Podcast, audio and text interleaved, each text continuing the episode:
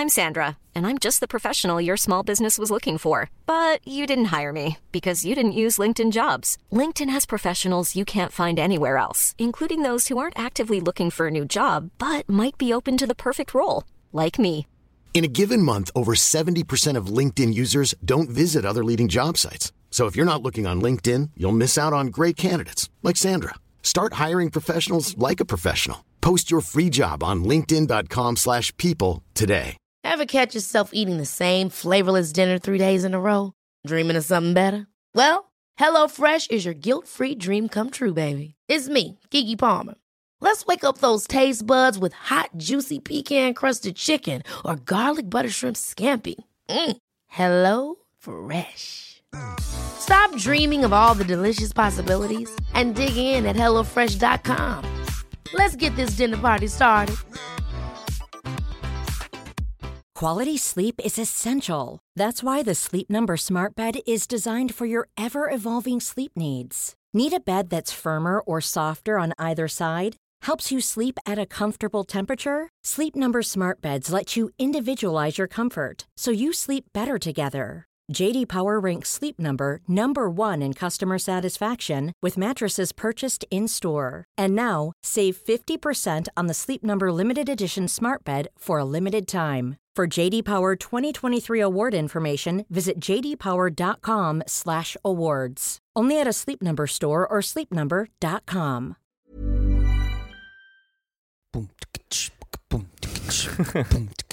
Jag är rätt tung eh, beatboxare i mitt förra liv. Ja, du har varit allt i dina, i dina liv. Jag åkte runt du vet, på gatorna i Amsterdam och beatboxade. Det var det enda jag gjorde mannen. Ah, årets lögn, årets lögn. Malmö, jag var höll på Möllan i Malmö och beatboxade och sånt och så fick man ihop till en liten öl och så gick man och drack en liten öl och sen så beatboxade man lite till. You wish. Ah, Patrik, Simon. ny vecka. Ny vecka. Ny vecka och det har hänt väldigt mycket inom Ja. padelvärlden. Vi känner lite så här, det är, så, det är ju så satans god stämning när vi släpper en podd. Så vi släpper den på en fredag istället. Ja, why not? Why not? Ja, jag är typ glad för jag hade fan ingen röst igår. Nej, det var ju tur att vi spelade in idag. Mm. Men du, du är nere i Skåne, du är hemma hos mig. Jag är i Helsingborg, Sundets pärla. Ja, Sundets pärla. väldigt trevligt och kul att ha dig här. Det var länge sedan. Kul du får väl skåla med en kopp kaffe här. Kaffe och så har vi eh, sju sorters choklad framför oss. Ja, men det är aldrig fel att ha lite Professional choklad. Nej, men eh, ska vi inte snacka lite om vad du precis har gjort? Jag har ju precis gjort ett DNA-test. Ja, Jag har gått i Simons fotspår. precis. Du ska maximera din prestation helt enkelt. Det är dags att ta... Kul att kolla upp lite. Ja, Jag vet ju inte riktigt varför man gör det, men du har ju gjort det och eh, nu äter du som en kossa.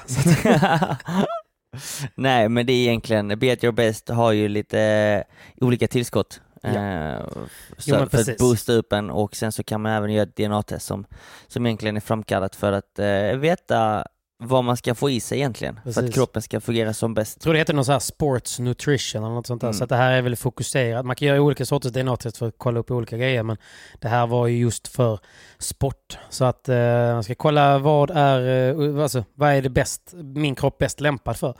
Precis. Är jag känslig mot koffein? Eller inte? Är Nej. jag känslig mot det ena, mot det andra? Vad är, du vet. Och så kan man försöka optimera ett kostschema och optimera sin träning uh, utefter det då. Precis. Antar jag. Men så, exakt så är det. Jag tror inte, jag menar jag är så optimerad man kan bli, men jag kan ju testa. Liksom. Man kan ju testa. Nej men DNA förändras ju aldrig. Du har Nej. alltid samma DNA. Så vi ska faktiskt se, och eh, du får nog resultatet om tre till fem veckor. Tror du att jag är känslig eller icke-känslig mot koffein? Jag tror du är icke-känslig mot koffein. Tänk om det säger att jag är känslig. Nej, då är det helt sjukt att du kan dricka då? så mycket clean som du gör. Vi, ska, vi, vi får även reda på om det är clean du ska dricka kanske. Ja, just det. Oh. De bara så här, yes you have to drink at least five to ten cans of clean strawberry a day. Adi, then you will play better padel. Better paddle. you know you play the paddle, you have to have the clean drink. You know? Nej men eh, så det ska Det blir bli- spännande det blir faktiskt. Så att spännande nu är det en lång väntan här. Jag gjorde, det var, det var väldigt eh, smidigt. Alltså man drog en sån här tops. Mm. Förresten ska vi berätta vad som hände. Ja det kan vi göra. Jag skojar lite. Jag kom in, fick ju den här, den är ju i en liten kontaminerad eh, Den är ju försluten så att den inte ska bli kontaminerad. Så jag öppnar den, jag eh, sveper och då tar man topsen inne i kinden, på tungan, på andra sidan kinden, under tungan, bakom läpparna. Det ska vara 10 sekunder på varje Mm. sida. Man ska liksom man ska vara rätt noga, man ska skapa liksom ordentligt. Ordentligt. Ordentligt. Och sen satte jag tillbaka den och um, så klickade och så är den försluten. Och så skojade jag lite bara, det smakar lite mint liksom. Eh, Fick jag en användning och så skrattade vi alla och sen så satt vi och käkade lunch och sen kommer de efteråt. Eh, när vi ska åka bara, du fan vi måste, vi måste göra om ditt test. Tänkte jag bara, ja ha ha ha, liksom Ja. kul. Nej, det vet inte, det, var, det stod något konstigt nummer på den eh, eh, burken som du f- fick, så att jag vet inte vad det var med den. Det var nog, ja. alltså det var nog hans sätt att säga att den Ja. var gammal. Ja. ja, vi vet ju inte. Nej, så att eh, nu måste jag faktiskt göra om det. Eh, så vi får se vad jag har fått för könssjukdomar i min mun nu. If left untreated, chlamydia can cause serious problems for both men and women. Nej. Nej. Ja, det är Sånt nog inget farligt. Nej, men eh, i alla fall, jag ska göra om det och sen så får jag, får jag tillbaka det om eh, tre till fem veckor. Så det blir jävligt kul. Jag är spänd. Spännande. 40 faktiskt. sidors eh, pdf eh, med info om min... Om ditt DNA. Jag ska ju, om jag har fått dåliga gener så är det ju bara raka vägen till farsan. Liksom. Ja, ja. Vad är detta? Vad är detta? Slänga det på bordet. Vad fan är detta? Nej.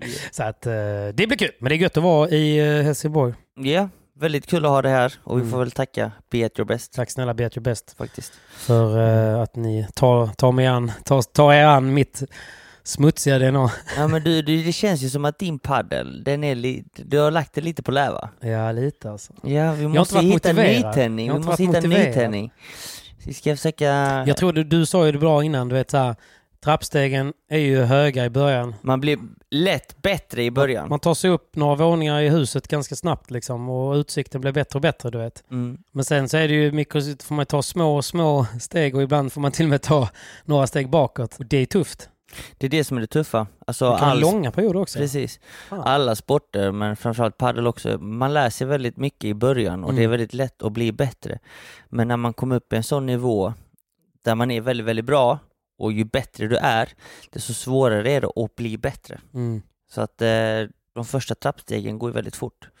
Men, de, eh, men sen när du börjar uppnå liksom, Finliret liksom. finliret, hög potential och verkligen Mm. liksom börjar Inte för att jag är där, men, men det är ändå... Alltså, för varje, varje gång man tar... Alltså varje gång man blir bättre Mm. och man flyttar, säg att man flyttar upp ett steg rent eh, bildligt talat, så är man ju sämst på den platån. Precis. Om du förstår vad jag menar. Och så måste du ta över den tröskeln och man för att igen. slå de Och sen- spelarna. Precis. så att... Eh, Ju bättre lite- man blir, ja. desto tuffare är det att bli bättre. och lite så, och det, vi har ju pratat om det många gånger, liksom, att man har dåligt confidence i allt möjligt och det blir liksom svårare och svårare att motivera sig. Så i början var det ju... Fan, man, man var ju uppe och studsade, man bara fattade, ja men det är bara nötar som gäller. Liksom. Jag Mm. kunde stå på banan fem. Eh, och det var, fanns ju många andra som var lika motiverade. Så att nu är det liksom, det känns som att det är eliten som, som spelar mycket och jag är ju inte en del av eliten så därför så, man är inte en del av dem så man kan inte riktigt träna med dem så man får hitta sin egna klick liksom. Så det är jag bollmaskinen lite. Nej men jag tror du är liksom i en period där du är liksom, du tränar och spelar med en bra spelare men du är inte kanske riktigt där. Nej. Och sen så vill du inte vara och spela med de andra som är vid din nivå eller strax Eller under. Nej. Så att du är inom det där glappet som är liksom, åh, fan jag vill ju vara bland de bättre och så känner du att du inte kanske, du går inte åt det hållet Nej. just nu. Nej. Nej men så är det verkligen. Och ibland så är det bra att ta en liten paus. Ja, ja, och det är det jag försöker göra, bara för att hitta motivationen igen. Så jag tror att, eh, menar, tar man en till två veckor eller tre veckor till och med, nu när Mm. vädret börjar bli gött och fokusera på lite annat så att, eh, kommer det säkert komma tillbaka. Såklart, det är jag Så- helt övertygad om. Jag försöker ändå ligga i med allt annat. Jag springer, jag gymmar. eh, och sen tar jag ju de matcherna jag får. Det är Ja. inte det liksom. Men Nej, det väl, förut så var det ändå strukturerat att man körde ju liksom, ett träningspass, en match varje dag. Varje dag Plus ja. gym liksom. Så eh, nu gör man ju inte riktigt det. Nej, men Det var ett tag sedan. Men det har ju varit mycket annat. Jag har ju, som sagt, som jag sa i förra avsnittet, jag har anställt eh, en kille som jobbar med mig på heltid. Mm. Och vi har ju flyttat in i ett kontor och det har varit mycket fokus på det också. Mm. Eh, landa där och sätta igång alla processer. Vi ska göra en jävla massa videos, planera dem, projektleda Mm. dem. Det är mycket collabs. Det, är liksom, det, ska, det görs inte bara. Det är inte bara liksom att trycka på räck och stå och vara en pajas. Liksom. Nej, verkligen inte. Det tuffa jobbet är väl egentligen att, att klippa och klistra och redigera Det allting. också, precis. Filma är roligt, Ja. men uh, sen komma på bra grejer. Sen så är ju tanken också kanske att gå utanför padden nu, för min del. Jaså? för det känns som att jag har vänt på ganska många stenar på YouTube vad gäller padel. Så nu, nu ska vi göra videos eh, ja, men liksom, som inte handlar om padel. Lite mer eh, bredare, bredare videos. Får du berätta någonting? Ja, ja, nej, men alltså till exempel vi ska göra en video eh, där jag kör Formel 1. Tänkte döpa den till Kan en vanlig person köra Mm. Formel 1? Fett. Fett. Eh, och, eh, och sen då gå med en duktig eh, tränare inför. Hur tränar man på det? Hur blir man bättre på att köra? Hur ska man Mm. tänka? För att sen kunna se om jag kan köra Formel 1. Och Mm. samma, jag ska flyga eh, strids, stridsplan. Jag kommer inte flyga det själv då. Du men kommer jag, inte flyga dig själv? men, men det är så här, man får ta över eh, och styra lite och sådär om man eh, löser det då. Coolt Det kan vara samma vändning där. Och... Nej, men vi har massa idéer. Vi har massa olika programidéer skulle man kunna säga som vi ska försöka testa på YouTube. Så att eh, ni som inte prenumererar på min YouTube, snälla. Snälla. Just nu Snälla. läcker jag alltså. Men det låter som att Nej, du har men väldigt är- roliga saker framför dig. Låg är tung, eh, jävligt duktig och kompetent så att eh, det ska bli jävligt kul. Jag kommer inte lämna padden. Det är bara att jag kommer göra mer än bara paddel. Ja. Om du förstår vad jag menar.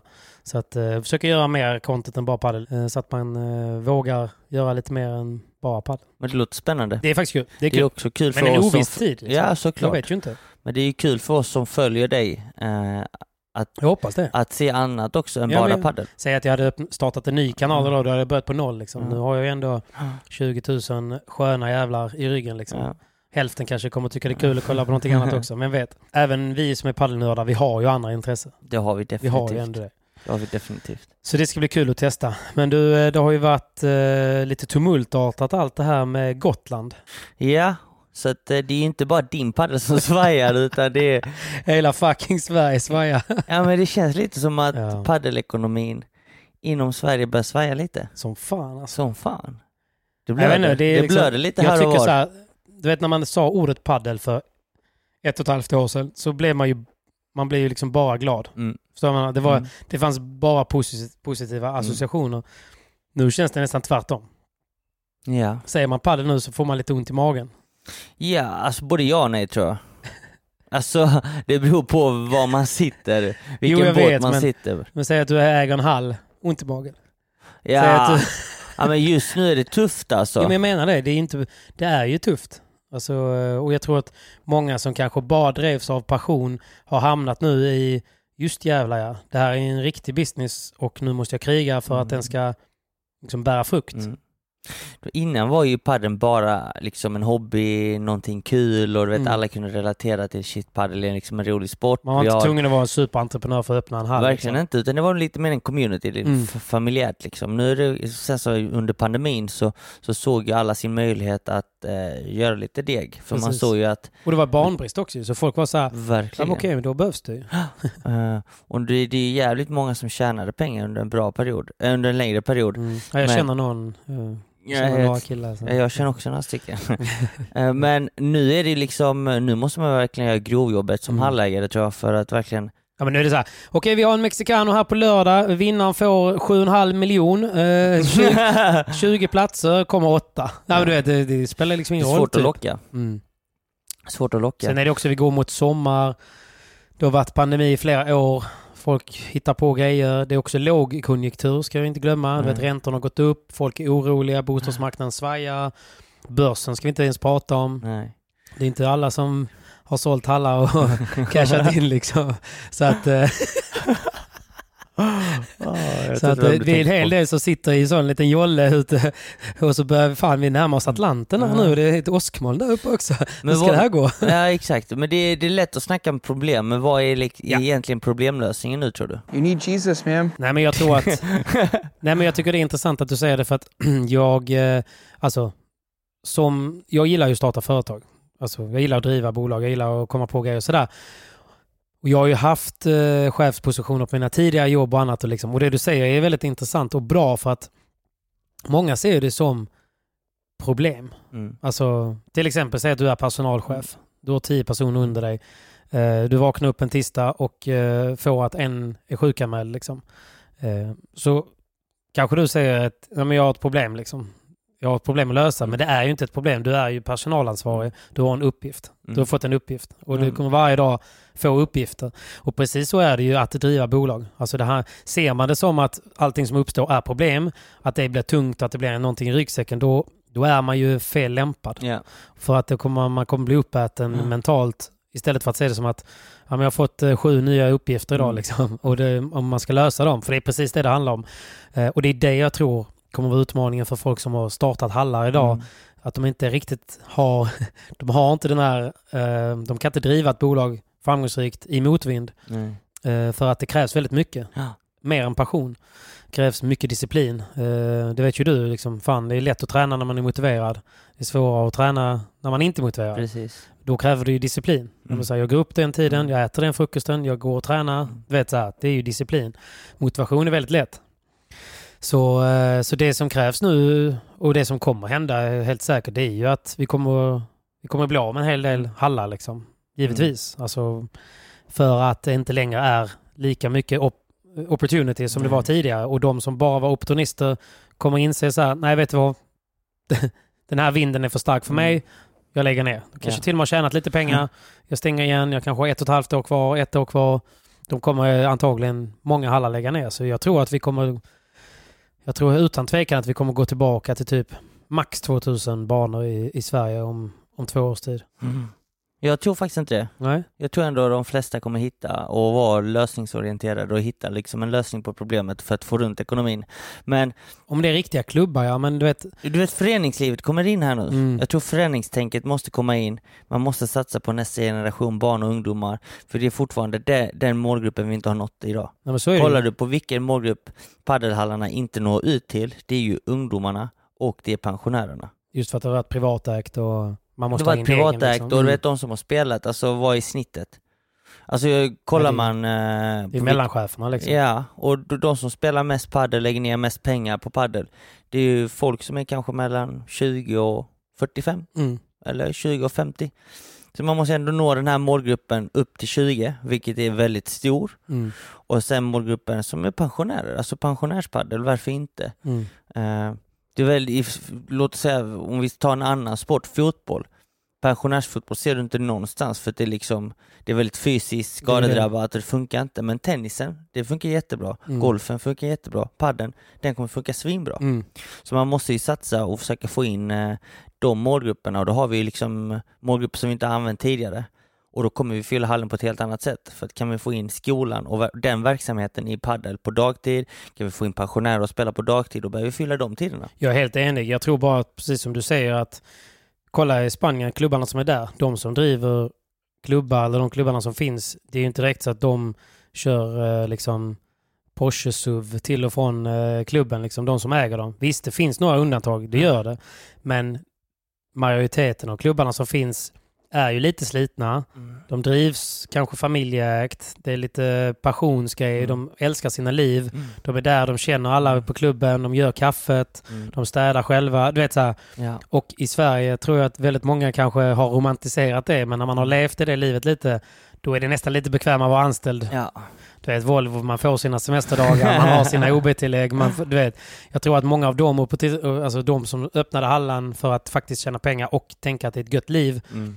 Kommer inse att det inte är så och ge upp. Men de andra som är kvar kommer ju behöva tänka föreningsliv för att det Verkligen. kommer vara tillräckligt många banor ändå. Mm. Eh, Och vi måste ju bygga underifrån. Definitivt. Att, ehm, Definitivt. Ja, men vad fan. Vem är vi att spe- sitta och spekulera? Det kommer bli som det blir. Jag bara säger, Ja. jag bara säger att det är ju tufft. Och, ehm, och det, jag menar, det, det fattar man ju. Definitivt. Alltså det har ju, vissa hallar har ju stängt ner eller kommer stänga ner som Mm. vi känner till. Men om vi snackar om Gotlandseventet Exakt. som vi är lite inne på och Ja, det var där det vi failade in, ja. totalt. Det failar ju totalt. Ja, precis. Jag var inte så involverad i det, för jag var inte alls... Jag var inte ens eh, tänkt på det, för att det var ju inte Studio Paddles event detta och det är det många kanske har missförstått. Mm. Så att, bara för att bryta ner det. Det var ju en lokal aktör på Gotland Mm. som kontaktade Studio Paddle. Okej. Sa så här, hej kan ni komma hit eh, till Gotland? Vi tänkte ha en riktigt fet tävling i början på sommaren för att liksom rivstarta sommarsäsongen. Så Studio Paddle-killarna flög till Gotland, tog sig till Gotland, träffade den här killen. Det var, det var, jag tror det var två personer då, fast det var en som var lite mer drivande. Och de bara, ja, vi vill göra ett Fiskebäck-Kil liksom. Och eh, Studio Padel-grabbarna då var lite så här, ja jag tror att det kan bli tufft men däremot kanske vi kan göra någonting unikt här. Mm. Liksom. Vi gör någonting speciellt som blir liksom Gotland. Mm. Och de började bolla lite idéer och de ville helst vara ute men det vet ovisst och bla bla bla. Så då blev det att, ah, okej men vi gör den här grejen på eh, ICA Maxi Arena liksom. Sagt och gjort, de spikade lite datum. Och då var det en lokal eh, arrangör som skulle göra detta och de skulle hyra in Studio Padel för att producera eventet. De skulle filma, kommentera Studio Padel.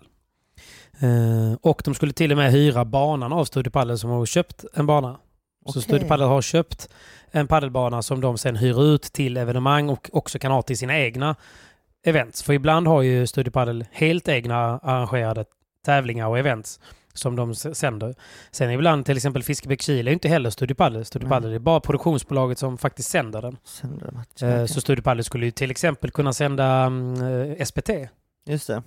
Men nu Det är är det en produkt liksom. det är en produkt ja. Och precis som Padel Television har den, äger rättigheterna för Mm. SPT så har Studio Padel rättigheterna för tävlingen som var på Gotland. Mm. Bara för att man ska, jag tror det är lättare att förstå. Eh, Så den eh, lokala arrangören hade ju skaffat sponsorer till det här, kontaktat en hel del sponsorer och sålt in. Och Studio Padel var ju hela tiden i dialog med den här arrangören. Bara hej, hur går det med biljettförsäljningen? För någonstans, alltså Studio Padel bör- är ju inte dumma. De fattar ju okej, ni hyr banan för X kronor, vår produktion kostar X kronor. Eh, så här många spelare, så här, du, du, du, prispengar på det. Du vet, det är ganska snabbt. Man kan ju nu räkna ihop att okej, men det här är ändå kostnader på ett par hundratusen, liksom. 6, 7, 800 tusen. Liksom. Ja men precis, de fasta kostnaderna kan man ju faktiskt beräkna De kan man ut. beräkna ju. Så Ja. Studio Padel visste ju det liksom. Så de, och de tog ju något litet i förskott. Jag vet inte, säg 100 000 liksom. Bara för att eh, säkra upp lite. Och de pengarna tror jag att de fick och sådär liksom. Men de blev ju ändå oroliga när det är så pass mycket pengar. För då blev man så här, okej, ja, ja men får de sålt biljetter så är det ju lugnt, och löser det sig. Plus lite sponsorer. Mm. Då kommer det ju gå ihop liksom. Så de hörde av sig hela tiden så här liksom, hur går det med biljettförsäljning? Och jag har ju fått Mm. pr- printscreens från arrangören liksom som skickar till Padel. Jo, det går bra. Vi är uppe i 700 biljetter nu liksom. Och sen så typ en vecka Mm. senare messar han hej, vad är senaste uppdateringen på biljetterna? Ja, det går jättebra. Det är lugnt liksom. 1000 biljetter sålda, 1100 biljetter sålda, 1300, du vet 1500, sista det är gången mycket. 1800 biljetter. Liksom.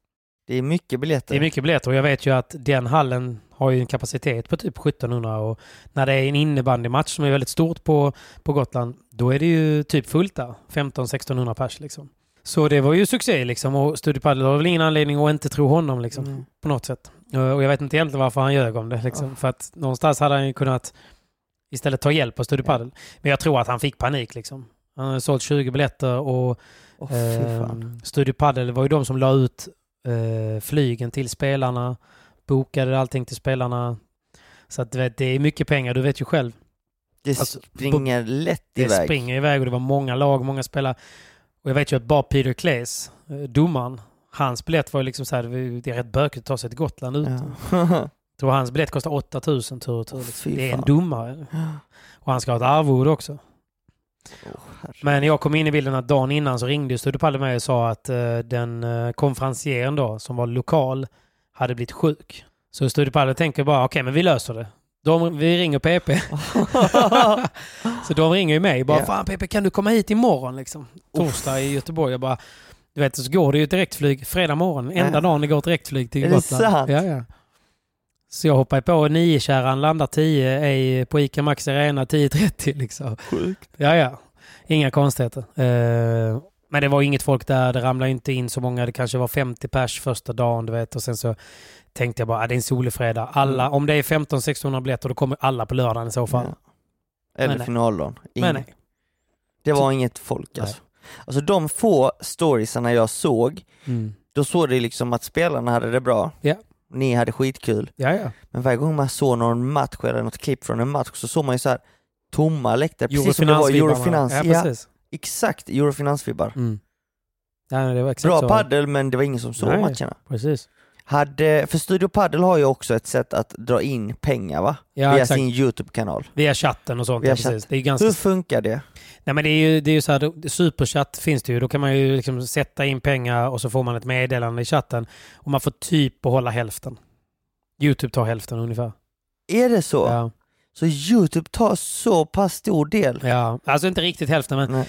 Men du säger att du får ut ungefär hälften av det liksom. För Okej. det, det blir mycket kostnader på det liksom. Så att de pengarna är ju liksom minimala. Säg att en riktigt lyckad sändning kanske du kan lyckas dra in 35-40 tusen Mm. i en sån chatt och så får du ut 15. Okej. Ja, jag trodde att det var mer pengar. Ja, nej. I Nej men det är lite olika. Ibland sätter folk in eh, liksom 1500 spänn, 1000 spänn Ja. och så vidare. Men det är ju ganska lite någon som landar i Studiopallets ficka. Liksom. Okej, då är jag med. Ehm, så det är ju lite så här, det ska ju vara grädde på moset lite Ja. grann. Det ska typ, för de har ju ändå så här kameramän, de har Mm. roddare, du vet. Som Studiopallet har ju ändå tagit dem och de har vanliga jobb, de har tagit ledigt så att de behöver betala lön till dem. Och de gör ju också det här på hobby så att för dem är det svårt att liksom beräkna att inte få in de här pengarna. Okej, så att vi har inga intäkter från eh, publiken, alltså Nej. åskådare. Nej. Vi har väldigt lite pengar via kanalen. Mm. Eh, sponsorerna då? Sponsorerna, jo men de har ju betalt till arrangören. Så arrangören har ju ett, ett bolag ju. Ja. Och där har han ju fått in pengar från, ja men säg Padre Nuestro som har en stor sponsor. Vi vet inte hur mycket han fick in. Ingen aning. Men säg, säg att det kanske ändå är 300 000 då. Ja. Bara för att ha en siffra att jobba med. Han har ju haft kostnader på mer än det. Mm. Och då eh, försätter han ju bolaget i konkurs. Just det. Så det är så man gör. Man kontaktar man en konkursförvaltare och säger hej, jag behöver ansöka om konkurs. Ja. Och då kommer det en opartisk eh, liksom, pers- myndighetsperson, tittar på det här. Okej, det, det här bolaget, bara kolla så att inte bolaget är misskött också. Mm. För det kan ju vara att, liksom, att man har slarvat med skatt eller slarvat med saker och ting. Så då kollar den, okej det här eventet, så här mycket kostnader, inga intäkter. Ja, det finns en stor minuspost. Ja. Eh, och då, då, då försätter den bolaget i konkurs och det har man ju rätt att göra. Mm. Och då kan man då ansöka om att få betalt. För det den gör då är att den kollar vad finns det för värden. Finns det liksom tv-apparater eller en dator? Mm. Vad finns det i bolaget, i papperna liksom? Allt sånt. Precis som egentligen en kronofogden kommer hem och knackar på dörren. Hej, du har inte betalat dina räkningar. Vi behöver ta ditt soffbord. Ja, men du vet. Och det funkar på samma sätt med bolagen. Det är därför inte han personligen blev betalningsskyldig. Nej, precis. Eh, utan att bolaget blir skyldig. Så att fordringsägare, alla vi som är fordringsägare, till exempel jag då som har liksom la ut för min egna flyg, flygbiljett, mitt egna boende, allt sånt. Jag kan ju ansöka till den här eh, alltså, eh, konkursförvaltaren att jag vill ha betalt mina 10 000. Så hamnar jag liksom i, i kösystemet. I kösystemet. Om det kommer in, om de hittar sätt att få ut pengar till bolaget. Typ, ja, men vi, mm, liksom, vi hittade ett lager här liksom, och vi Ja. sålde det lagret så det kom in 150 000. Just det. Så betalas det i, liksom, i, i ordning. Så att eh, Studiopalle ligger ju där och hoppas på att kunna få, få någonting. Eh, Vad, vad det här bolaget, vad skulle de kunna ha då? Antagligen ingenting. Ingenting Nej. va? Så att eh, Det därför, finns ju inga pengar att hämta. Nej. Alla kostnaderna liksom, och det är ju- Så egentligen, blir alltså- obetalda. Jo men precis. Alltså, det finns ju, det finns ju liksom en sån här dokumentär på Netflix som heter Fire Island. Som är eh, Den är så jävla fet. är jävligt fet. Och det var ju samma där ju. Ja. Eh, Men, men där var det ju, det jag tycker är lite trist, det jag kan tycka är lite synd det är ju om att arrangören blev väldigt smutskastad ju. Mm. Och jag kan förstå att Studio Padel och sådana är väldigt arga. Jag, Men den här människan, är det liksom en tomte eller har han verkligen försökt och liksom insåg det är för sent att han kan inte blåsa av det och att han är fucked?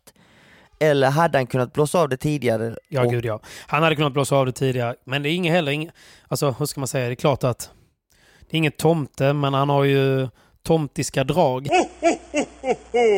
Alltså, Ja, så här, så här ska man nog ändå tänka. Det är en person som har menat väl. Han har velat göra ett fett arrangemang. Han har velat liksom sätta Gotland på kartan och s- kanske sig själv mm, på Gotland på kartan också, du vet. Han har gått där i flera generationer, eh, familjen liksom. Så du får tänka, han har inte gjort det här avsiktligt för att misslyckas. Vet. Mm. Han har ju smutskastat sig själv, sitt namn. Alla på Gotland vet vem han är. Alltså det är en liten ö, Ja. det är tufft. Han har, alla inte, känner alla. han har inte tjänat några pengar på det här. Han har inte tjänat någonting på att göra det här. Nej. Men jag tror att projektet, när han inledde det så var det som en rolig grej. Men sen har det nog bara blivit så här, fan, eh, liksom, inte hanterbart. Nej. Och jag tror att han har sakta men säkert gått in lite i väggen. Liksom. Mm. Och då tror jag att han bara har skjutit problemen framför sig. Det är rätt här vanligt att titta på Lyxfällan. Folk öppnar inte ens sina kuvert för då har man inte ens sett problemen. Eh, och det är nog en väldigt vanlig, nu sitter jag och låtsas vara psykolog, I need you to look into my eyes. men jag tror det är en väldigt vanlig effekt Mm. av att man får för mycket problem, för mycket bekymmer, att man bara skjuter det framför sig och blundar. Mm. Eh, och det är väl därför inte han sköt av det liksom. Nej. Så att, eh, och på något vänster tänkt att det bara kommer lösa sig. Och han har ju insett att det kommer, grejen är så här med facit i hand. Jag har ju, alltså när man ser, när man kollar han i ögonen när man första gången träffar han så fattar jag att han insåg att det här skulle konka och så, innan eventet började. ju. Det är därför han kanske inte var Alltså det var ju svårt för honom liksom. Ska han bli bundis med alla och sen så vet han att ja, sen när de skickar sina fakturor så kommer det inte gå liksom. Nej, precis. Alltså du vet, jobbig sits ju. Jobbig sits ja. Men det är jobbigt, klart. jobbigt att se någon annan i ögonen. Och veta att, att... shit, fan vad kul att du är här. Mm, Nu ska vi ha ett riktigt roligt evenemang, get rolig fucked. helg. Och sen så bara måndag, I'm gonna fuck you. jo. Fast han blir också fucked. Det är, ja, det klart Det är därför jag fuck- känner empati. Ja. Det enda är liksom, det är klart att han skulle dratt i pluggen. Mm. Alltså han skulle bara, det är ju det konstigaste att han ljög med om biljettförsäljningen. Det han skulle gjort såklart, det är bara sagt du fan jag, jag eh, får ingen aning på, jag har inte råd att marknadsföra det, Mm. jag får inte sålt några biljetter. Ska vi styra av det eller ska ni hjälpa mig? Mm. Typ så. Precis. Det skulle han ju Typ så. sagt till Typ så. Studio Padel. I tid ja. Så att, eh, nej, så det var det som hände. Men jag tycker det är viktigt bara så att folk förstår att det är ju inte Studio Padel. Och det är Studio Padel som känner alla spelare. Det är Studio Padel som får sånt här att hända. Det är ju inte arrangören i sig. Så arrangören har ju gått till Studio Padel. Studio Padel har tagit betalt. Och eh, nu sitter de i en tuff sits liksom. Men det är också så här. Vad är det som lockar publik? Vad är det som kommer locka folk att betala ett inträde för att gå och se både bra padel Mm. och att få det att kännas på riktigt? För jag tror det är där skillnaden kommer vara. För du vet, för mig, jag satsar ju för att bli bättre, Mm. jag, jag vill tävla mot de bästa i världen och jag vill komma upp så högt upp som jag kan på rankingen. Ett event som Gotland, visst det är skitkul, det är skitballt, but I've done that, Mm. I'm not interested. Nej men precis. För att det, det, det gynnar inte mig, Nej. för det är inte en tävling på riktigt. För Nej, nej. Det, där, en sån, sånt evenemang, vad är det som triggar dessa spelarna som åker dit och spelar? Det är pengarna. Pengar såklart. Och Mm. för mig liksom, idrott och competition, alltså det, det ska inte drivas av pengar, självklart ska Mm. det ju liksom det, det är mitt Hårt jobb, jobb det är sig jobb, liksom. det är Ja, exakt, precis. hårt, hå- eh, hårt jobb lönar sig men, men det är inte på riktigt för det är ingen riktig tävling. Nej jag håller med. Och det är det jag tror folk måste förstå också som arrangerar event. Liksom. Mm. Okej, jag ska hålla en tävling och så tro, då ska man inte ta för givet att folk kommer komma, folk kommer, kommer, kommer kolla på padel och konsumera, köpa massa grejer i kafeterian. Mm. För att, för att få dit folket, då måste det vara en riktig tävling jag. tävling ja. Eller så får man göra liksom Globetrotters liksom. Då Ja. får det vara en ren underhållningstävling. Precis. Och det är ju, jag menar, Gordo Diaz är ju expert på sådana grejer. Ja. Alltså, han är ju den bästa att ha på det där liksom. Ja. Så att, nej jag håller med dig. Jag tror det är väldigt svårt och det har ju bevisat sig. Det är ju egentligen bara det är ju egentligen bara Fiskebäckskil som har varit en lyckad och det var ju egentligen supertiming. Du vet Mm. direkt efter första, när de släppte upp pandemin för första gången att man fick ha visst antal personer inhägnat och så vidare. Sen drog de ju tillbaka reglerna igen Mm. men det var ju inhägnat, solen sken, du vet mitt i sommaren. Det blev bara lyckat. Men det hade lika bra kunnat regna så hade det kommit 80 pers Ja. och sen hade man aldrig pratat om Fiskebäckskil. Förstår du vad jag menar? Men jag tror också de som driver Fiskebäckskil, alltså jag känner dem lite Ja, ju. men de är duktiga på marknadsföring också. Men det är för att de har haft golftävlingar tidigare. Mm, kanske. De vet ju vad, det, vad som krävs för att hålla ett idrottsevenemang, Mm. vad som lockar och vad, vad man måste göra. Sen så måste man ha ett bra kontaktnät för att sälja sponsorer, Ja, ja. sponsorplatser, få dit sponsorerna Mm. och sen sälja biljetter. Eh, och det tror jag kommer vara liksom helt avgörande om en tävling är bra eller mindre bra, för jag märker ju det själv när jag spelar World Padel Tour. Mm. Det är ju vissa World Padel Tour tävlingar som Eh, nu ska jag inte ge några exempel för man vill inte heller kasta skit på folk, men du vet vissa som arrangerar tävlingar som inte kommer från sportvärlden, Ja, de tävlingarna är ofta som sämsta. ja.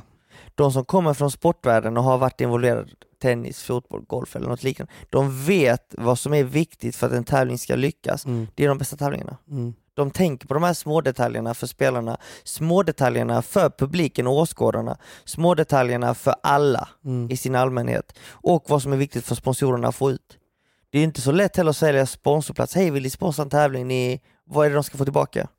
För det är alltid liksom, man ska Nej, alltid nej, få någonting precis. tillbaka. Nej men det är det man lätt glömmer ju. Att Ja. Man, måste, man kan inte bara be om något. Nej, och lite som vi sa tidigare, innan allt gjorde inom padel lyckades, nu, Mm. nu är det inte som Nej, nej, nej, nu så. krävs det verkligen ett lyckat arrangemang, genomtänkt, bra marknadsfört, Ja. bra paketerat. Alltså det, det är ju lätt att, vara efterklok, men jag menar, han, du vet, vad heter de? Gotland Promotion heter ju de som Mm. kör båtarna. Liksom. Tur och tur flera gånger om dagen där. Man skulle ju kanske försökt kontakta dem, bli partners med dem, Mm. sälja paketresor med dem, åka dit över dagen, kolla på padel, shoppa och ta färjan. Sälja en Precis. färjebiljett med, med entré till padel. Mm. Du vet, sådana grejer i kombination med mycket annat. Liksom. Eh, Mm. folk hatar inte att åka till Gotland såklart. Nej. Alltså, ge dem en anledning. Paddeln kan ju vara sekundär. Sen tror jag inte det går att ta 250 spänn heller eh, eh, för att gå in och titta på lite uppvisningspaddel Mm. heller. Nej, definitivt inte. Alltså, går du och kollar på World Padel Tour och får se kvartsfinalerna i World Padel Tour en fredag, Mm. du får se topp, alltså Ja, to- världsklass. topp liksom. åtta bästa paren i världen. Mm. Paquito, Bela, Cuellar, förhoppningsvis kanske du får ta en selfie med någon av Mm, dem och precis. växla några ord. Du... Då, kostar, då betalar du 250 Exakt. till 250 kanske till max 500 spänn beroende på vart du är. Om du ska ha superbra platser. För en Mm, hel precis. dag Mm. och på världens bästa padel. Precis. Alltså, och det är inte så att man kanske får dit världens bästa padelspelare till Gotland. Nej, nej, nej. Många duktiga, många, många kända namn, många... nej men exakt. Nej, Men- Jag, jag, tycker... Men herregud. Det är, nej, så det var ju ett fiasko. Men det var jävligt kul på Gotland. Det var jävligt kul, det är, det är viktigt. Det var så jag tänkte. Liksom, Ja. att, men det, det, det, var, det som var lite tråkigt var ju för att Hami ville väldigt gärna att jag skulle följa med. För det var Mm. hans här, första invitational som skulle sändas. Där, liksom. Så han... ehm, eh, du vet, han känner sig lite utanför de andra. så han ville ha med en, en polare dit. Så där, liksom. Jag bara, men fan. För jag var, tänkte jag vill åka ner till dig på lördagen. Ehm, så det var ju lite så här... Ja, men jag bara, nej men tyvärr, jag kommer nog åka till, eh, till Malaga istället. Liksom. Mm. Bara, okej, jag fattar liksom. Så han åkte utan mig på torsdagen. Ja. Och sen ringde ju Nordin på kvällen liksom. Och då blev det så här, okej, står de för flyg? Ja. De står för boendet, så här, det blir en kul helg på Gotland. Okej då fan. Ja. Det är ändå så här, jag sparar 10 lax liksom. Tjäna lite pengar. Ja. Men nej, nej, men nej. quack! så att eh, det blev eh, vad det blev. Men ehm, ja, nej men det var kul. Jag, fan, Gotland alltså. Det har, jag tycker det är så synd för det har sån superpotential. Det har varit så jävla kul att ha det som en sån början på sommaren. Du vet, fan, vi åker ett jävla rövgäng till Gotland, Mm. spelar lite padel, det är ganska så här, ja, meh. Och sen går man ut, sätter sig på en god utservering, tar några kanjas, Ja, du vet. trevligt. Det är gångavstånd överallt där, det är fint som fan. Uh, jag sa ju det, vi hade massa fina middagar och drack lite goda drinkar och sådär. Och mycket padelintressenter där också, men det var ingen lokalt som visste. Mm. Så att, nej, men eh, nu känns det som att vi har pratat om det i två avsnitt och det har skrivits massa artiklar om det. Så att det är trist bara att det blir sån eh, dålig skugga över, över padden generellt. Ja, självklart. Det blir Men ännu det, mer men så det, här det handlar lite om vad, vad man måste tänka på för att få ett lyckat arrangemang. Mm. Och jag tror att... Och Du Simon Waskes, Yeah my man! we got a sponsor here. Whoop whoop. Vilka har vi? Du, vi har eh, en fin kille som passade på under Musikhjälpen som jag sen helt har glömt av. Mm. Eh, Det var inte bra. nej, det är ett tag sedan nu, så Ja. att ett särskilt tack till Ergo Grip. Whoop. Ergo Grip. Ergo grip. Nej, men det var en snubbe, han berättade själv att han startade märket för att han började med padel för typ två år sedan Mm. och eh, fick ont i armbågen. Ja. Klassiker. Klassiker. Eh, och då fanns det ju bara det här eh, Hessacore-greppet, du vet. Mm. Eh, jag gillar inte det, jag gillar ju det här tunna greppet. Hessacore är lite så här gummigrej med någon... Eh, Olika mönster. olika mönster precis, och som man sen lindar på. Och den passar ju inte alla liksom. Och även inte han här heller. Så då sa han det att då kommer idén till att försöka skapa ett ergonomiskt grepp som också kan dämpa vibrationer. Mm. Jag fick en sån hemskickad och eh, det jag gjorde var att jag tog bort grundlindan, så som Ja. vi alltid gör innan vi ska linda. Och sen så eh, sätter man på ett tunt gummilager på själva trähandtaget. Eh, liksom. Precis. Ja. Så man liksom bara drar på den och sen lindar man på det istället.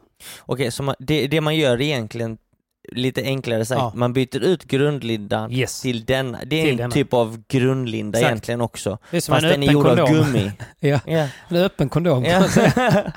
Väldigt dålig kondom så sett. Men, men bara för att man ska förstå. Men den är gjord av gummi, tunt gummi och eh, så lindar man på den och då blir det liksom, det, det känns som ett helt vanligt grepp. Bara det att det blir mindre vibrationer. Mindre Så vibration. att den dämpar vibrationerna.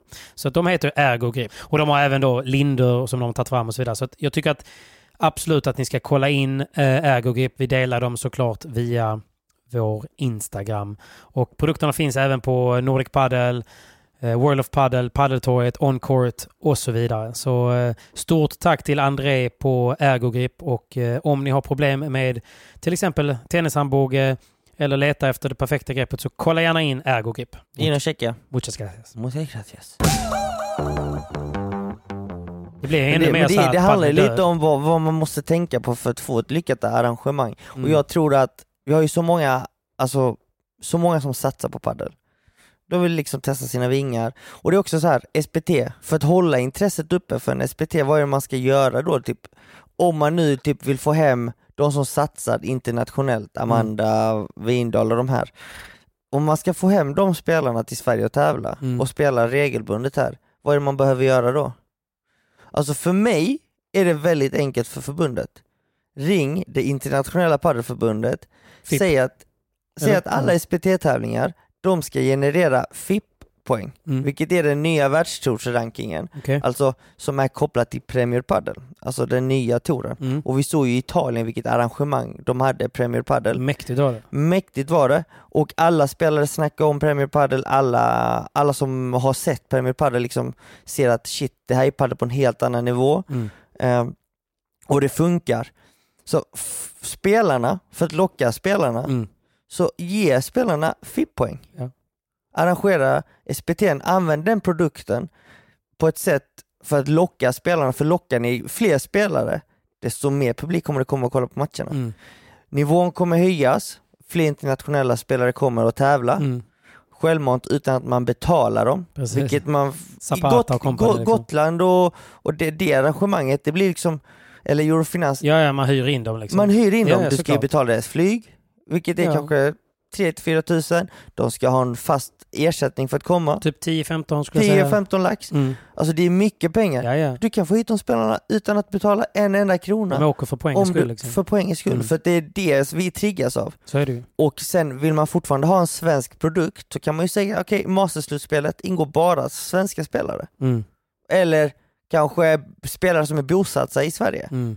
Eh, och då blir det liksom att den här, det här slutspelet blir ändå att de åtta bästa som har presterat i dessa tävlingar, oavsett hur många internationella spelare det är, går till det här slutspelet. Just det. Det var en bra idé. Och det är någonting jag tycker Sverige ska se över. Mm. Eh, Jag vet att i Holland gör de så att alla holländska tourer och tävlingar eh, ingår, det är, de, de arrangeras som FIP-tävlingar. Okej. Då är det dit, dit man ska åka pirata då. Ja men lite, nu är det ju många som piratar för att få upp FIP-rankingen. Ja, För många tror att det är, kommer vara den nya touren ja och exakt. VPT drar ut. Nu vet man inte för i slutändan så tror jag ändå VPT-rankingen kommer konverteras över till den här Men FIP-rankingen. VPT verkar ju inte dö. Nej, man tittar inte, på inte, spelarna inte för och tillfället. publiken och arrangemangen. inte för tillfället. De, Nej. de kör på folk, folk, de har mycket åskådare, Ja. tävlingarna är ju fantastiskt arrangerade och, och blir bättre och bättre, måste Eller man ändå säga. Så att eh, det är liksom så här någonting att se över Mm. för förbundet om de vill ha sin produkt som, som en stark produkt. Ja men exakt, och det tror jag de vill ju. Det, det, det är det man tror ju. Vi, hade, vi har haft en FIP-tävling genom all den här paddeltiden i Sverige och det var den Urban och gänget som, Just som, har, som arrangerade uppe i Stockholm, Mm. eh, Upplands Väsby, Ja. eh, på Ultimate Padel. Och där kommer det bra spelare. Och där kom det bra spelare, Mm. bland de bästa i världen. Eh, det var även många svenskar som kom med i kvalet, Mm. eh, vilket innebär att dåvarande så samarbetade FIP och World Padel Tour så att många svenska spelare fick en världsranking. Mm. De fick VPT-poäng. Även om det bara är någon liten mikroskopisk pinne Ja. så det det räcker ju ibland för att bara... Definitivt. Och vi vill ju ha fler och fler spelare från olika länder Mm. i världstouren, på världstoppen och rankingen från olika länder och, och för att ge svenska spelare och vår nästa generation en möjlighet att tävla internationellt, då måste man ju ge dem möjligheten att få, eh, alltså komma in på världstouren på något sätt, komma in i touren på något Precis. sätt och det är ju liksom med poäng. Och samma där, de tjatar väldigt mycket om att de vill att du och Danne och, och Kalle och company ska spela eh, hemma i Sverige. Mm. Att ni borde spela SPTS, bla bla bla. Du, du vet så här, men Mm. Då hade det varit en anledning för ju. Definitivt. Alltså hade det varit FIP-tävling i Sverige, jag hade ju spelat varenda en för jag vet ju hur viktiga de poängen är. Du vet ju hur lätt det är att vinna dem. Definitivt inte. Och det blir ju bara tuffare och tuffare, ja, men det, det, det är någonting jag verkligen inte begriper. Nej. Och det är, om man nu är sugen att arrangera någonting i Sverige, Mm. det är mitt tips till er. Ja. Gör en FIP-tävling. För nu, är det ju, nu känns det som att APT går lite den vägen ju. Ja, alltså det, det, det snackas ju mycket nu eh, inom de olika tourerna hur de ska enas för att det spelar facket, Mm. spelar och eh, association vill, det är att man ska ha en ranking. Vi Mm. vill inte ha tre olika rankingar. Nej, Vi vill ha en ranking. Eh, så förhoppningsvis så antingen blir det liksom en tour som tar över allt eller så blir det att det fortfarande finns tre olika tourer med att man får eh, olika mycket poäng beroende på vilken tour du spelar. Mm. För att, låt oss säga PGA-touren i golf, det är den bästa touren. Sen så finns det Europatouren. okej. Den är inte lika bra kanske. Nej. Det är lite som APT, det är en bra tour fast det är inte den bästa. Nej, det är inte de. Den som är bäst på APT, vad ska man säga, säg att du är rankad eh, som Miguel Olivera skulle vi kunna säga som spelade med Hami på Mm. Gotland. Han är rankad sexa på APT. Ja. Jag skulle, med min magkänsla då bara, uh, höfta, skulle jag säga att han kanske är en 85-90. Ja På men VPT? typ, ja han har varit, han har ju legat högre upp eh, när han var som bäst. Jag Ja. tror inte han är som bäst just nu. Men han kanske är en spelare som ligger 50-60. Ja, så pass. Ja. Har han legat. Sorry Miguelito. Eh, Nej, men, men, Men- bara för att få liksom, ja, alltså, man fattar. alltså du vet, men jag tror att de bästa i APT, de är knappt i Previa i VPT. Previa, de är Previa-spelare liksom. Ja, jo men precis. Eh, så att då kan man ju ha liksom APT, VPT och Premier Padel. Premier Padel ovanför VPT. Ja, Ja. och då har ju Premier Padel, största tävlingarna ger mest poäng, mest pengar. Sen kan man spela VPT, eh, Next Step, sen APT till exempel. Mm. Detta är bara ett Exakt, exempel. exakt. Så att det är liksom någonting som kommer hända Mm. förr eller senare. Frågan är bara när. Ja, och hur de ska enas om Ja. vad poängen ska vara värda och så vidare. Men eh, det är en bra idé, för det, det hade ju varit kul att ha några tävlingar med här hemma också ju. Definitivt, och jag tror att det lättaste sättet att få hem, eller få hem spelare, Mm. alltså svenska spelare och även locka hit internationella spelare, det är genom internationella tävlingar, eller i alla fall någon som, alltså tävlingar som, som genererar internationella poäng. För det hade varit rätt skönt att spela en tävling på hemmaplan. Ju, du, vi är ju i Helsingborg nu, men det var fan länge sedan du var hemma, eller hur? Fy fan. Eh, Det känns som att eh, man är borta tre, fyra veckor, hemma Mm. tre, fyra dagar, sen borta igen tre, fyra veckor. Hur mycket lägger du på resor på månaden nu? Jag vet inte, för mycket. För mycket. Jag ringer revisorn var varannan dag, han går i taket. Give me money, give me more money. Han vad fan gör du? Jag var boka hotell, flyg och käka liksom. Det är dyrt alltså. Ja. Det är dyrt men eh, man måste våga satsa. ja, men det gillar jag att du gör. Många frågar ju om eh, samarbetet med eh, Adrian Blanco. Nu Simon, eh, ja, det är en ny vecka. Men vad är en ny vecka utan Hyper! Bästa synken ever! Och det måste ju vara för att vi spelar in tillsammans. Tillsammans i Helsingborg. Ja. Men du, du, det, det var länge sedan nu... jag tjänade pengar på Hyper nu måste jag säga. Vad sa du? Det var länge sedan jag tjänade Ja, pengar det på är Hyper. nu. svårbettat. Du Vet du varför jag- det är så svårbettat? Tell me why. Det är för att det är tävlingar varje vecka, Mm. vilket är skitbra för då kan man faktiskt gå in och betta lite på hyper.com. Men eh, förra veckan, Typ. då vann ju eh, LeBron och Galan Igen. igen. De är i stor form. De vann i Rom. Sekundo, titel. Eh, precis, de vann i Rom, de vann i Marbella. Ja. De mötte, och du vet det, är svårt att vinna en tävling och vinna, Igen, tävling, ja. vinna nästa tävling för att om man, framförallt om man spelar veckan därpå. Mentalt är det ju väldigt svårt. Sjukt svårt att ladda Mm. om och du ska hinna resa, du ska hinna vila och det ena och det andra. Tutti Balutti. Så nu blir det verkligen svårare och svårare och tuffare och tuffare att betta. Så att det är väldigt viktigt att betta ansvarsfullt. Det är det ju, verkligen. Jag bettade ju på Champions League-finalen senast och du tänkte det är nog 50-50. Undrar hur det gick. det gick åt skogen! Så att eh, det finns ju annat än, än bara padel kan man ju säga. Men, eh, men nu när vi spelar in, vi släpper detta på fredag, så imorgon kan man gå in och eh, betta på vem man tror ska vinna semifinalerna Definitivt. i VPT Sem- Wien Semifinalerna kommer spelas eh, och finalerna spelas på söndag. söndag. Vi kommer lägga ut på våra privata sociala kanaler eh, vad vi tror. Vi har typ blivit din eh, manager. Man du? ska spela motsatt vad vi spelar Ja, på. men det är exakt nästan lite så. Fast jag är ändå, jag är ändå, jag Ja, du är ändå okej jag, faktiskt. Jag är ändå okej. Jag Du tror jag sätter okej. 50% av mina bets i alla fall. Jo men precis, det är bra. Nej men så att som sagt, bilda er egen uppfattning. Våra odds är ju bara så som vi tänker där och då. och Det kan vara baserat på olika saker så att ni måste spela ansvarsfullt. Man behöver vara 18 år och spela inte för pengar du inte har råd att förlora.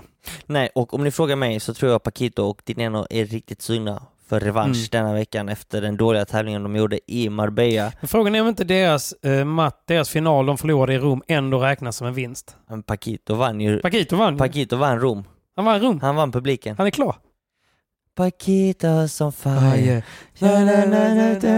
Paquitos on fire. Det måste varit jobbigt för Galano och LeBron Du vet, de stod och stod bredvid. fyra. Och så står, står Paquito och hoppar och, och sänder live bredvid. Bara, varför är han glad? Varför är han gladare än vad vi är? Så jävla kung. Ja, riktig kung. Han vann allas hjärtan där då alltså. Så att, nej okej, Paquito och eh, Dineno ska vi hålla koll på i, eh, i Wien då. Jag tror det. Då säger vi så så länge. Så besök hyper.com, kolla in oddsen och eh, vi påminner igen att man kan besöka stödlinjen.se, man behöver vara 18 år och spela ansvarsfullt. Tack Hyper. Tack Hyper. Adrian Blanco. Mm. Hur går det egentligen? Jag tycker faktiskt det blir bättre och bättre.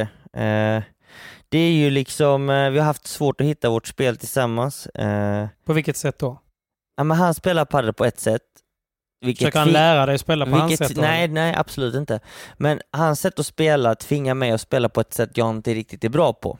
Okej. Och likadant tvärtom. Det Mm. sättet jag är, är bra att spela på, det är inte hans starka sida att Nej, Men kompensera då är, upp är det. ni en bra match då?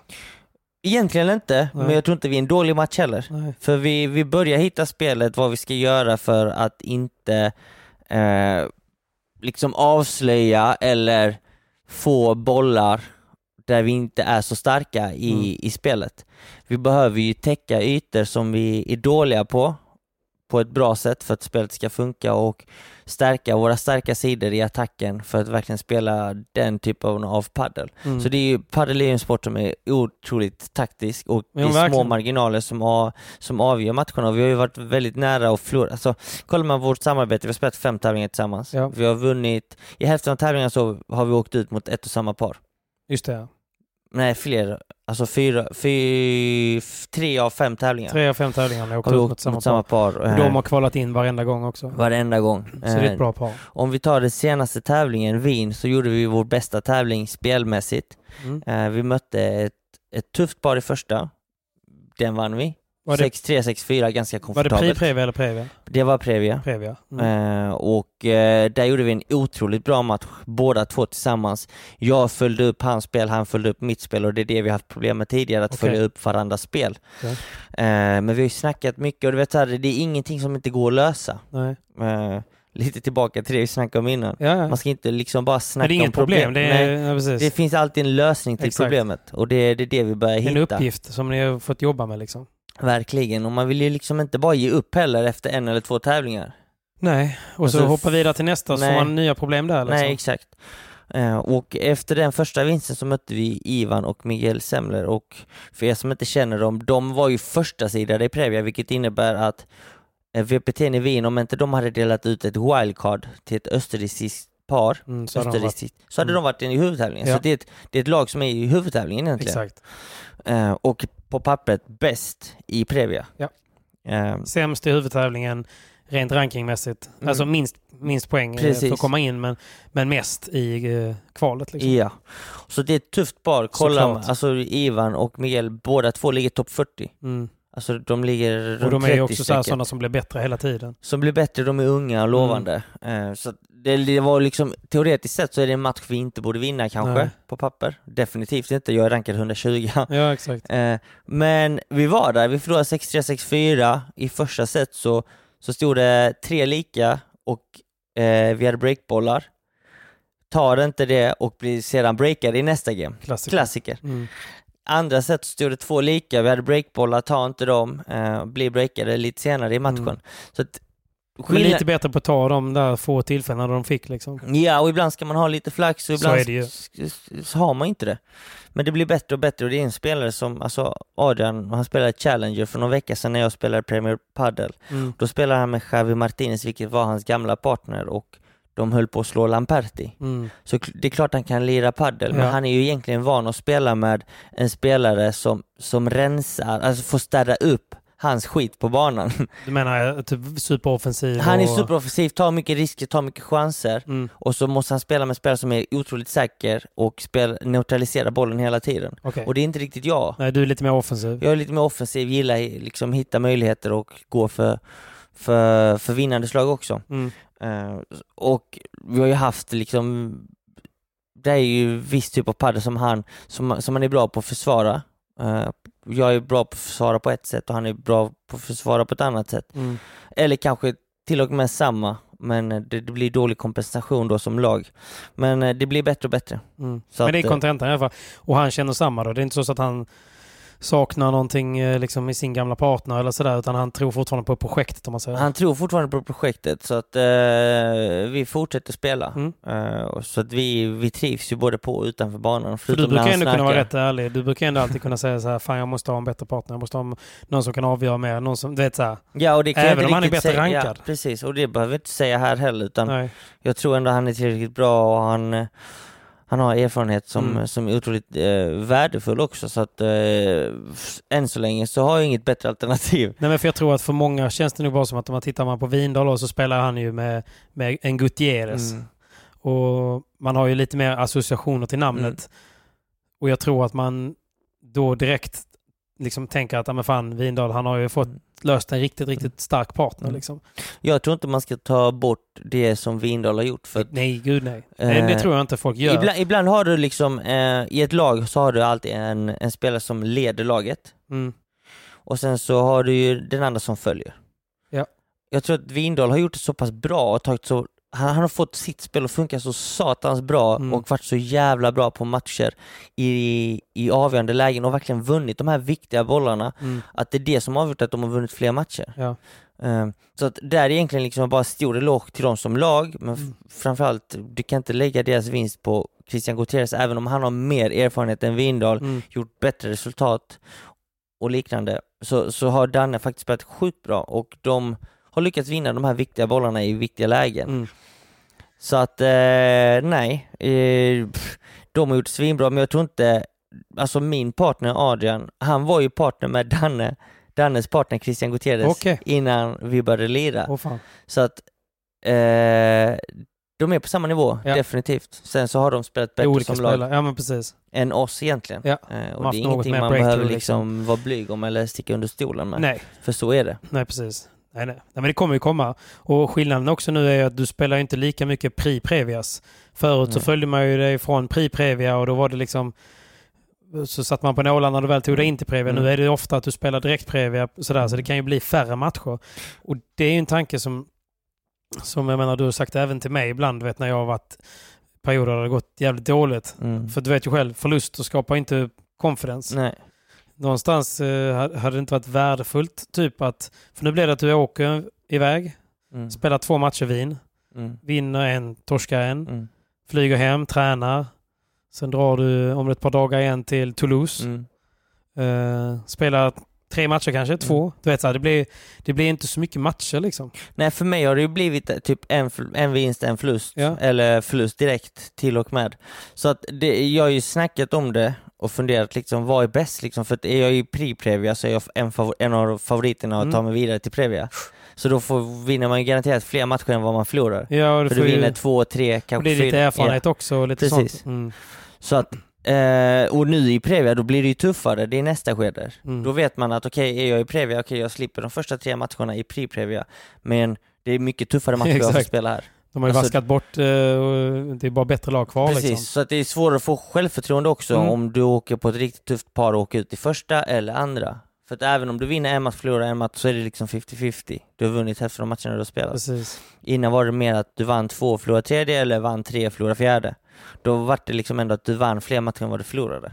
Hade inte därför varit skönt att Bolander bara åka hem till SPT3 i Borås och, och vinna lite matcher liksom? Nej, alltså, inte om det inte, för jag har ju ett mål och det är att klättra på världsrankingen. Mm.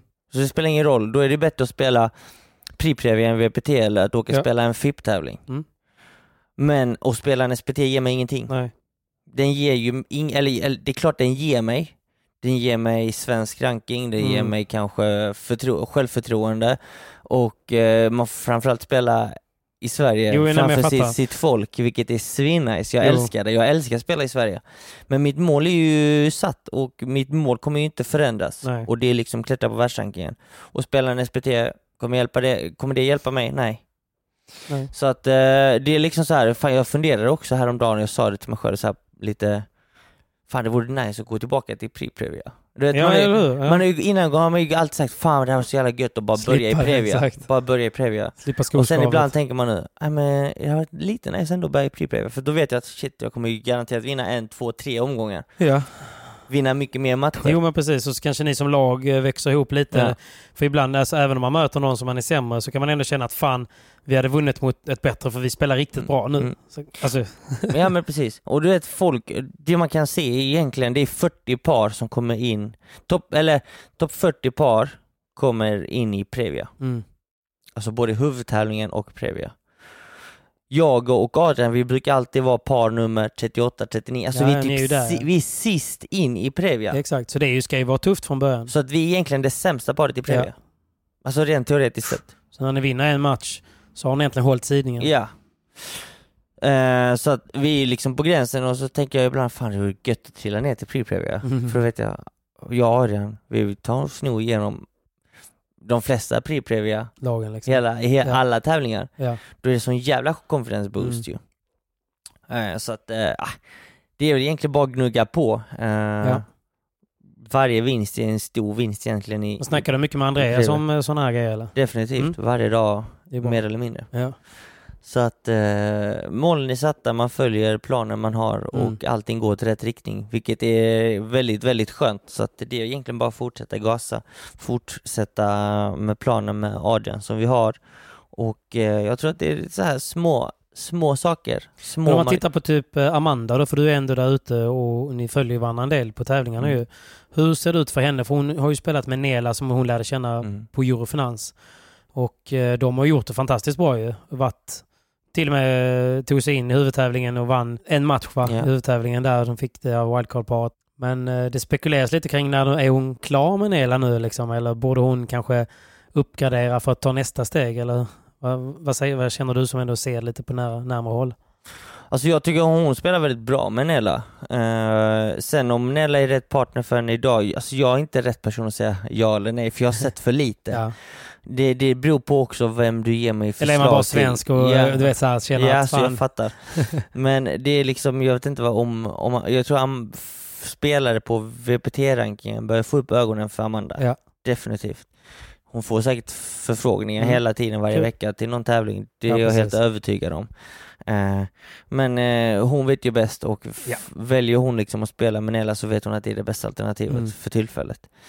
Eh, och jag tror att hon har lyckats kvala in, hon var i Previa-final nu igen i Mm. Wien. Jag menar, hon gör ju bra resultat. Amanda bara klättrar på rankingen och hon vinner ju fler och fler matcher hela tiden. Mm. Och det är liksom ett tecken på att det jobbet hon gör är på väg åt rätt håll. Mm. Och jag kan ju inte tro att Nela är fel partner så Nej, att säga. med tanke på resultaten. Liksom. med tanke på resultatet. Nej, men precis. Jag tror bara att man som svensk tänker lite så här, okej, fan, nu har fått jättebra resultat för att ta ytterligare några steg. Mm. Man nöjer sig aldrig. ju. Nej. Då borde hon skaffa en bättre partner. Vet, så här. Men det är, åh, Svensk det är lätt, spekulation. ja. Och jag tror att man måste ändå, som jag nämnde tidigare som vi snackade, i början så är det väldigt lätt Mm. att liksom bli bättre. Hon Men lär sig ju- nog fortfarande ju väldigt bättre mycket. Liksom. du blir dess, och desto tuffare är det att egentligen ta nästa steg. Så Mm. att man ska inte skynda, alltså det Nej. är bättre att skynda långsamt. Men jag tänker att eh, vi som följer resultat på håll inte lägga så mycket vikt vid en tävling, vid en match. Nej. Alltså en match är en match. Mm. Alltså det är du som du själv säger, ni hade lika bra kunnat vunnit där. Ni hade breakbollar, ni tog inte dem, de fick en breakboll, de tog den, Mm. de vann. Mm. Alltså förstår menar? Ja, precis. Det hade lika, man kanske gjorde en precis lika bra match om man vann. Mm. Och man kanske gjorde en precis lika bra match om man förlorar. Mm. Ibland lägger man så himla mycket vikt i att nej men nu vann de inte denna tävlingen heller. Det, de kommer nog, de, han behöver hitta någon annan. Ja.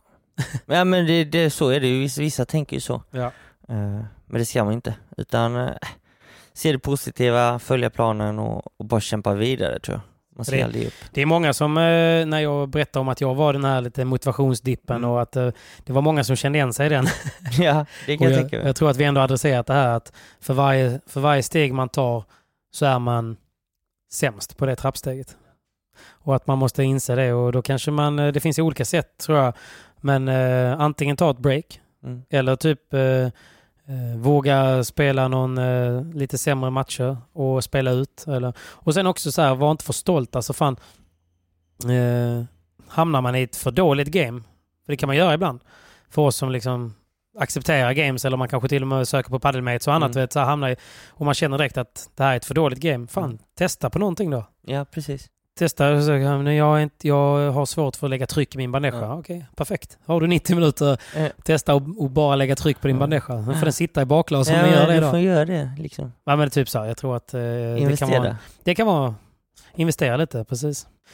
Ja, nu har vi babblat länge nog om partners hit, Adrian dit. Eh, du berättade för mig förresten att han, han är en riktig jävel på att snarka. Fy fan vad han snackar alltså, helvete. Åh, Det är jag, måste jobbigt, ska, jag måste skaffa öronproppar alltså. Du måste ju skaffa öron. Ja, ja, det måste jag. Det, det, I militären lärde jag mig det. Alltså, det, jag sov ju alltid med öronproppar då. Ja, du gjorde det? Ja, ja, ja. Ja, ja. Gör du det än idag? Nej. Nej. Nej var, men, eh, och sen så jag, lägger man telefonen under kudden med vibrationslarm så vaknar man på vibrationerna. Ah, ja, ja. Men eh, nej men eh, öronproppar, det it's a must. Särskilt för att jag, du har spelat in faktiskt Mm. ett litet ljudklipp skickat till mig. Mhm. Och eh, ja, han jag snackar. behöver det. Han snackar som Han snackar fan. fan. Och Men det går ju inte att performa på plan då du. Nej, det går ju inte. Nu eh, ska vi ta vårt pick och pack och eh, få in ett träningspass till eller? Ja, det tycker jag. Ja, det tycker jag. Vi har faktiskt ätit choklad och druckit kaffe så att det är på hög tid. Ni ska ha stort tack för att ni väntade till fredagen och att ni lyssnade på veckans podd. Och eh, Simon, är Jag vi vet- tillbaka nästa vecka eller? Vi är tillbaka nästa Har vecka. du fått tillbaka ditt bagage då eller? Nej, och det förhoppningsvis, det vet jag inte än. För där i ligger micken och alla andra grejer. Kläder från Spiga och sånt. Vi får se.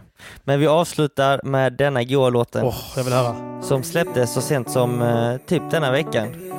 Koppla av med Einar. Einar. Koppla av, koppla av. Tack för att ni har lyssnat. Vi hörs på nästa. Puss.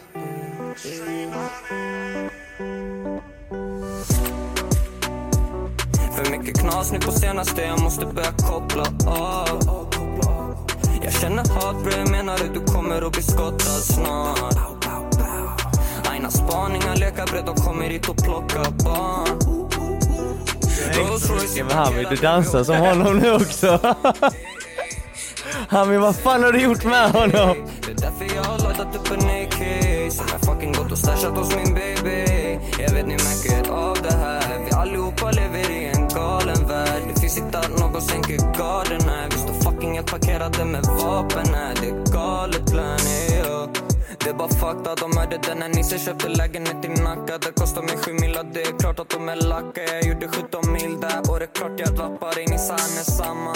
Jag står kvar bre, shoutout till min mamma för allt hon klarar av bre Jag fuck allt och alla, jag börjar att bli galen. Jag samlar på mig kalla, jag säger jag gillar vapen. Min vän har en PPS 43 och bre jag ska inte ljuga den är snuskig. Yeah vi kan pulla med den brorsan det är upp.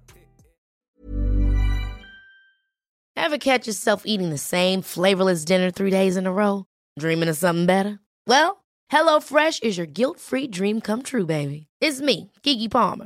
Let's wake up those taste buds with hot, juicy pecan-crusted chicken or garlic butter shrimp scampi. Mm. Hello Fresh.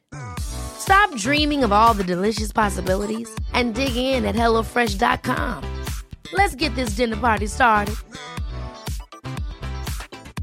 Even when we're on a budget, we still deserve nice things.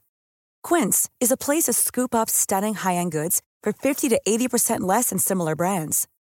They have buttery soft cashmere sweaters starting at $50, luxurious Italian leather bags, and so much more. Plus, Quince only works with factories that use safe, ethical, and responsible manufacturing. Get the high-end goods you'll love without the high price tag with Quince. Go to quince.com slash style for free shipping and 365-day returns.